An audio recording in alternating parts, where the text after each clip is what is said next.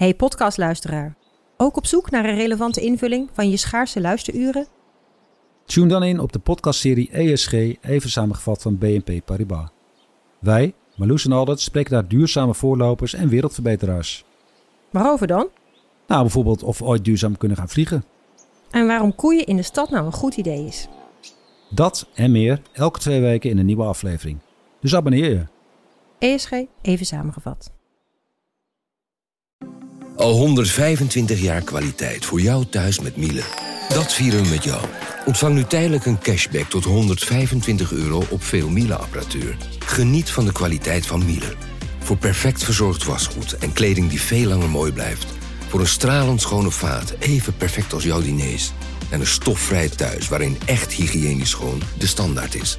Check miele.nl voor alle feestelijke aanbiedingen.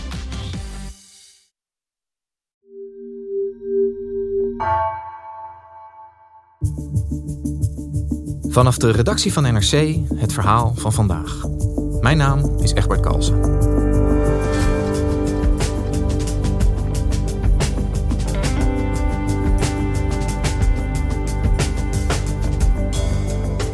In verschillende Oekraïnse steden vinden er Russische aanvallen op woonwijken en ziekenhuizen plaats. Burgers worden daarbij niet ontzien. Tijdens de oorlog in Syrië en Tsjetsjenië liet Rusland een soortgelijke militaire tactiek zien, ziet buitenlandredacteur Hanneke Chenafo. Gaat Poetin hetzelfde doen als in Aleppo en Grozny?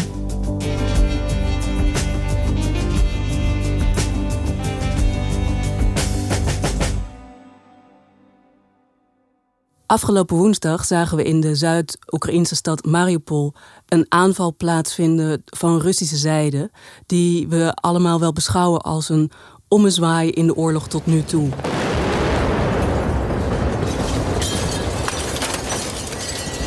Er werd een kraamkliniek bestookt, waar later door Oekraïnse zijde over verteld werd dat er drie doden zijn gevallen, eh, onder wie een kind, en 17 gewonden. En na afloop van die aanval uh, zag je op beelden dat die grotendeels verwoest is. Er was een enorme krater voor de kliniek. Alle ruiten waren eruit. En er werden zwangere vrouwen onder het puin vandaan gehaald. Het wordt gezien als een schending van het internationaal recht om zo rechtstreeks een burgerdoel aan te vallen. En dat is zorgelijk, omdat het voor veel mensen herinneringen oproept aan eerdere Russische oorlogen in Syrië en Tsjetsjenië. Hanneke Chinafo, jij bent uh, buitenlandredacteur bij NRC en zelf ook uh, ervaring als oorlogsverslaggever. Die beelden van dat ziekenhuis die jij schetst, die hebben voor heel veel afgrijzen gezorgd in de internationale uh, reacties daarop. De aanval in Mariupol die werd echt veroordeeld. Wat zeggen de Russische autoriteiten over deze aanval? Waarom wilden zij dit ziekenhuis aanvallen? De Russen hebben niet echt opheldering gegeven over deze aanval, maar wel in algemene termen uh, commentaar gegeven. Uh, de minister van Buitenlandse Zaken, Sergei Lavrov, zei: Hou nou toch op met uh, steeds maar zeggen dat wij burgerdoelen aanvallen. Dit ziekenhuis was al lang niet meer in gebruik. De mensen waren allemaal geëvacueerd. Het was overgenomen door het Azov-bataljon. Dat is een groep extremistische strijders die aan Oekraïnse zijde daar de stad verdedigen. En zij bestoken ons van daaruit, wat dat ziekenhuis dus een legitiem militair doelwit maakte. En afgelopen zondag echode de Russische ambassadeur in Nederland die lijn ook toen hij in Buitenhof geïnterviewd werd. What I am telling you, this is special operation and Russian military do not uh, target a civilian population. The only target is military infrastructure. De Russen die ontkennen dus in alle toonaarden dat ze burgerdoelen raken. Uh, zij kwalificeren dat ziekenhuis ook als een militair doel. Is natuurlijk heel lastig om dat allemaal precies te weten. Hè? Er zijn weinig journalisten daar in de buurt. Uh, informatie is, uh, is lastig om, om echt hard te krijgen. Tegelijkertijd zijn er wel een heleboel aanwijzingen dat het niet bij één zo'n ziekenhuis is gebleven. Dat er in Oekraïne veel meer burgerdoelen zijn aangevallen. Ja, de Wereldgezondheidsorganisatie houdt dat ook bij. Zij zeggen dat er tot nu toe al meer dan twintig uh, medische instellingen zijn getroffen. Nou is wel nog dan de vraag of die ook allemaal gericht zijn aangevallen of uh, in het gevecht uh, per ongeluk zijn geraakt. Maar je ziet dat er uh, wel degelijk veel voorbeelden zijn van aanvallen waarvan je toch echt denkt: dat kan niet anders dan dat je hier die burgers probeerde te treffen. Een goed voorbeeld daarvan is wat de Amerikaanse fotografe Lindsay Adario zag in Irpin, een voorstad van Kiev. And then when the mortars started coming in, I thought it's not possible. They're not going to target that path. Zij was daar aan het fotograferen hoe burgers de stad, de voorstad, moesten verlaten over een heel smal houten bruggetje. And shortly they did start targeting the path and they did start walking that mortar onto the position of the civilians. En zij concludeerde het kan niet anders als burgers al zo lang over dit smalle weggetje de stad verlaten, dan dat je weet als aanvaller dat dit een burgerdoel is. So it was incredible for me to witness and to see that family, the mother and her two children, lying there on the ground, lifeless with their little suitcases, is the most heartbreaking thing that I've seen. Terwijl er niet heel veel buitenlandse journalisten daar nog zijn, uh, zag zij het voor haar ogen gebeuren.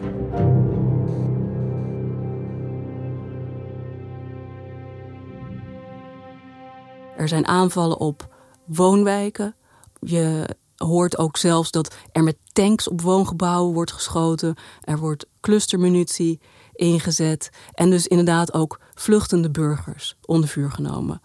En helaas hebben we dit vaker gezien in oorlogen waar Rusland bij betrokken was.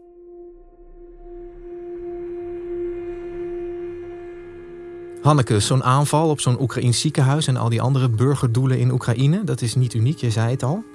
Uh, het doet ook een beetje denken aan de manier waarop de Russen in Syrië Assad zijn gaan helpen. Hè? Onder andere in 2016 in Aleppo. Ja, het heeft er eigenlijk heel veel van weg. In 2015 besloot president Poetin om de Syrische president Assad te gaan helpen met zijn oorlog, die toen al jaren woedde. En dat deden ze vooral met luchtsteun.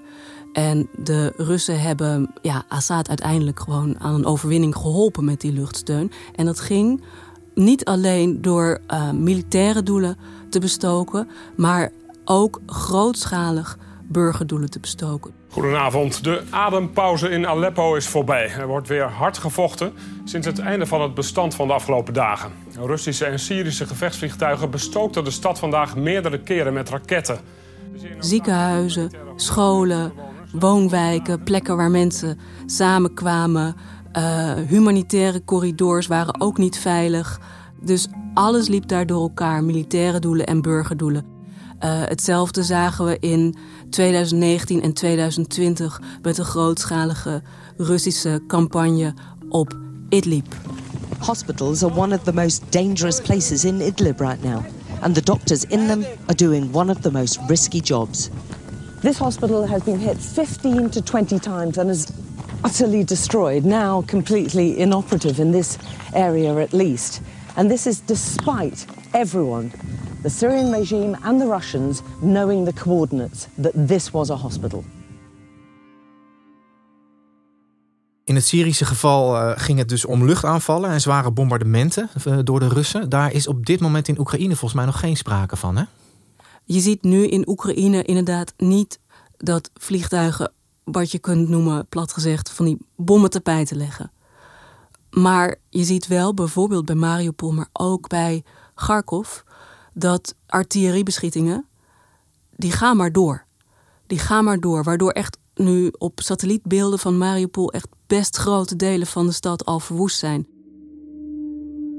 En er is nog een parallel te trekken met een oorlog die Poetin al veel eerder voerde, toen hij net aan de macht was.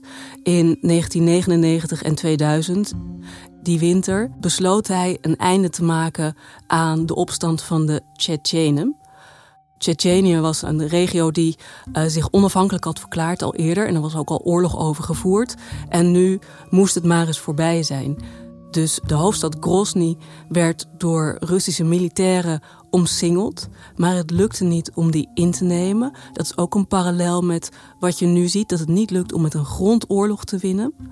Dus dat leidde tot allerlei bloedbaden. En op een gegeven moment besloot Poetin nu is het genoeg. De burgers kregen nog een formele kans om de stad te verlaten. Er werden flyers over de stad uitgestrooid met de oproep: ga nu weg. Als je niet weggaat, dan beschouwen we je als een vijand. Maar veel mensen konden ook moeilijk weg of, of, of wilden niet weg, waren bijvoorbeeld te oud om te vluchten. Maanden van zware gevechten en artilleriebeschietingen hebben geen steen op de andere gelaten in het centrum van Grozny. Van de meeste gebouwen staat alleen nog het karkas overeind. Dus die stad was niet leeg toen Poetin besloot om hem met bombardementen zeg maar, op de knieën te dwingen. Dat heeft geleid tot duizenden burgerdoden. Ja, de methode Poetin begint zich hier een beetje af te tekenen, zou je kunnen zeggen. Er zijn veel parallellen. Wat zegt dit over de militaire strategie die Rusland op dit moment in Oekraïne toepast?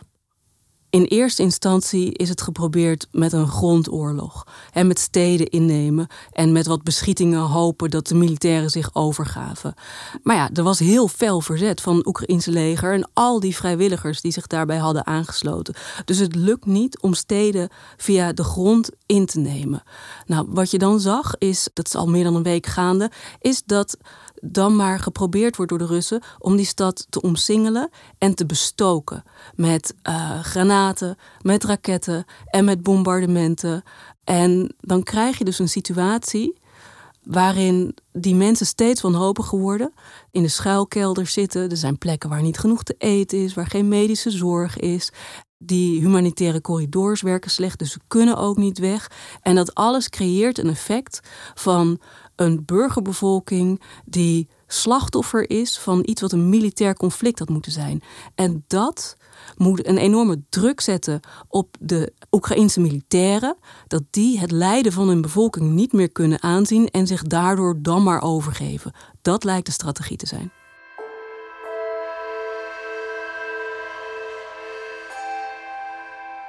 Treffen van burgers in scholen en ziekenhuizen. Dat zagen we dus in Syrië en in Tsjetsjenië. En ook in Oekraïne wordt er al gesproken eh, van dit soort doelen. En, en daarmee eigenlijk ook van oorlogsmisdaden, zou je kunnen zeggen. Eh, in tijden van oorlog, Hanneke, wat mag er nou wel en wat mag er nou niet? Ja, dit is bij elke oorlog natuurlijk weer uh, onderwerp van verhit debat. Militaire partijen mogen geweld tegen elkaar gebruiken. Maar de stelregel in oorlogen is dat ze daarbij burgers moeten ontzien. En zeg maar burgers bewust doelwit maken is nog weer een hele stap verder.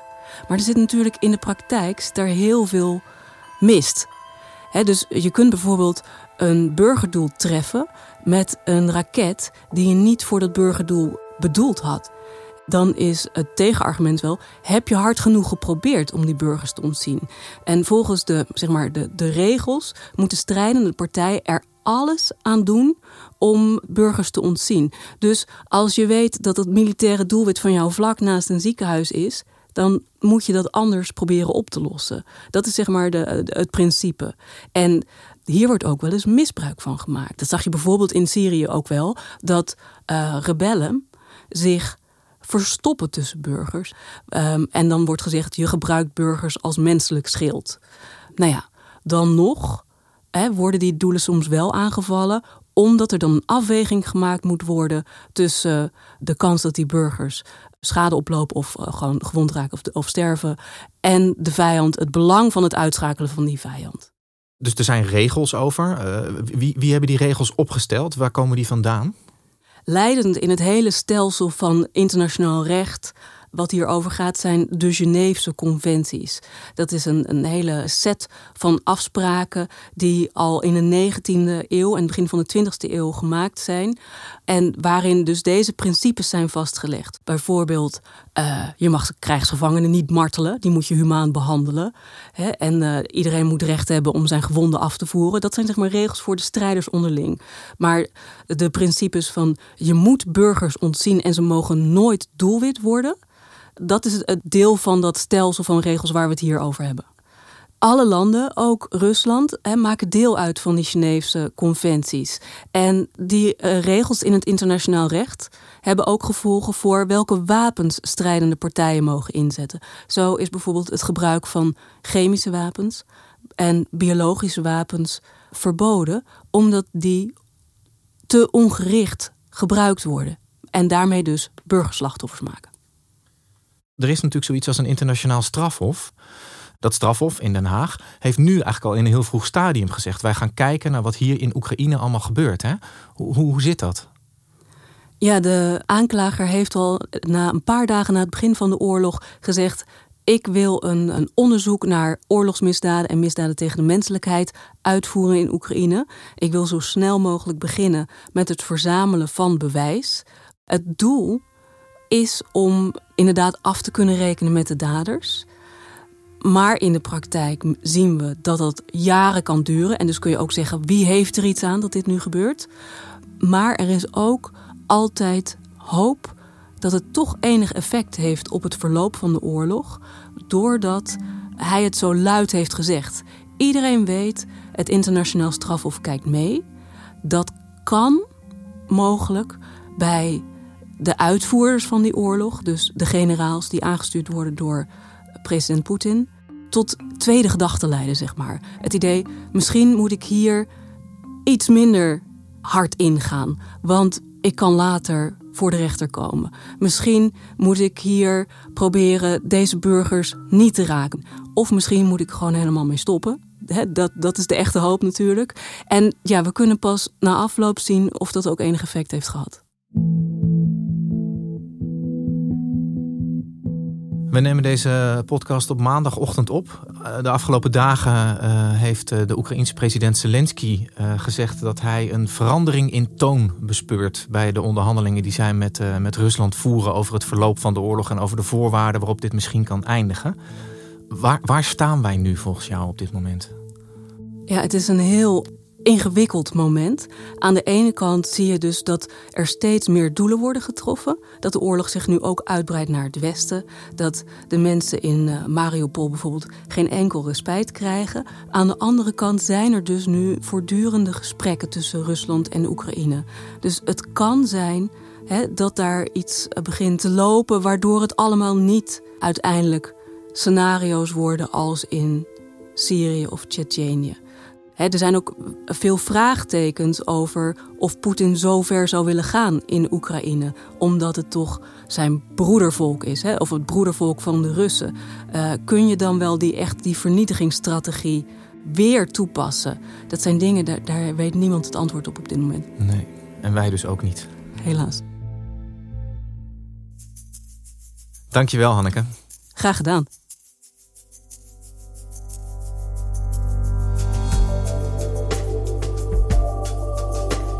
Je luisterde naar vandaag, een podcast van NRC.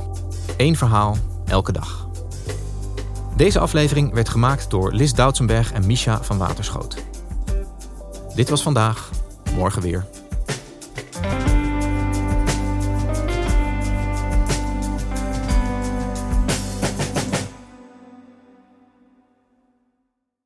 Technologie lijkt tegenwoordig het antwoord op iedere uitdaging. Bij PwC zien we dit anders. Als we de potentie van technologie willen benutten, kunnen we niet zonder een menselijk perspectief. Human-led, tech-powered noemen we dat. Ga naar pwc.nl.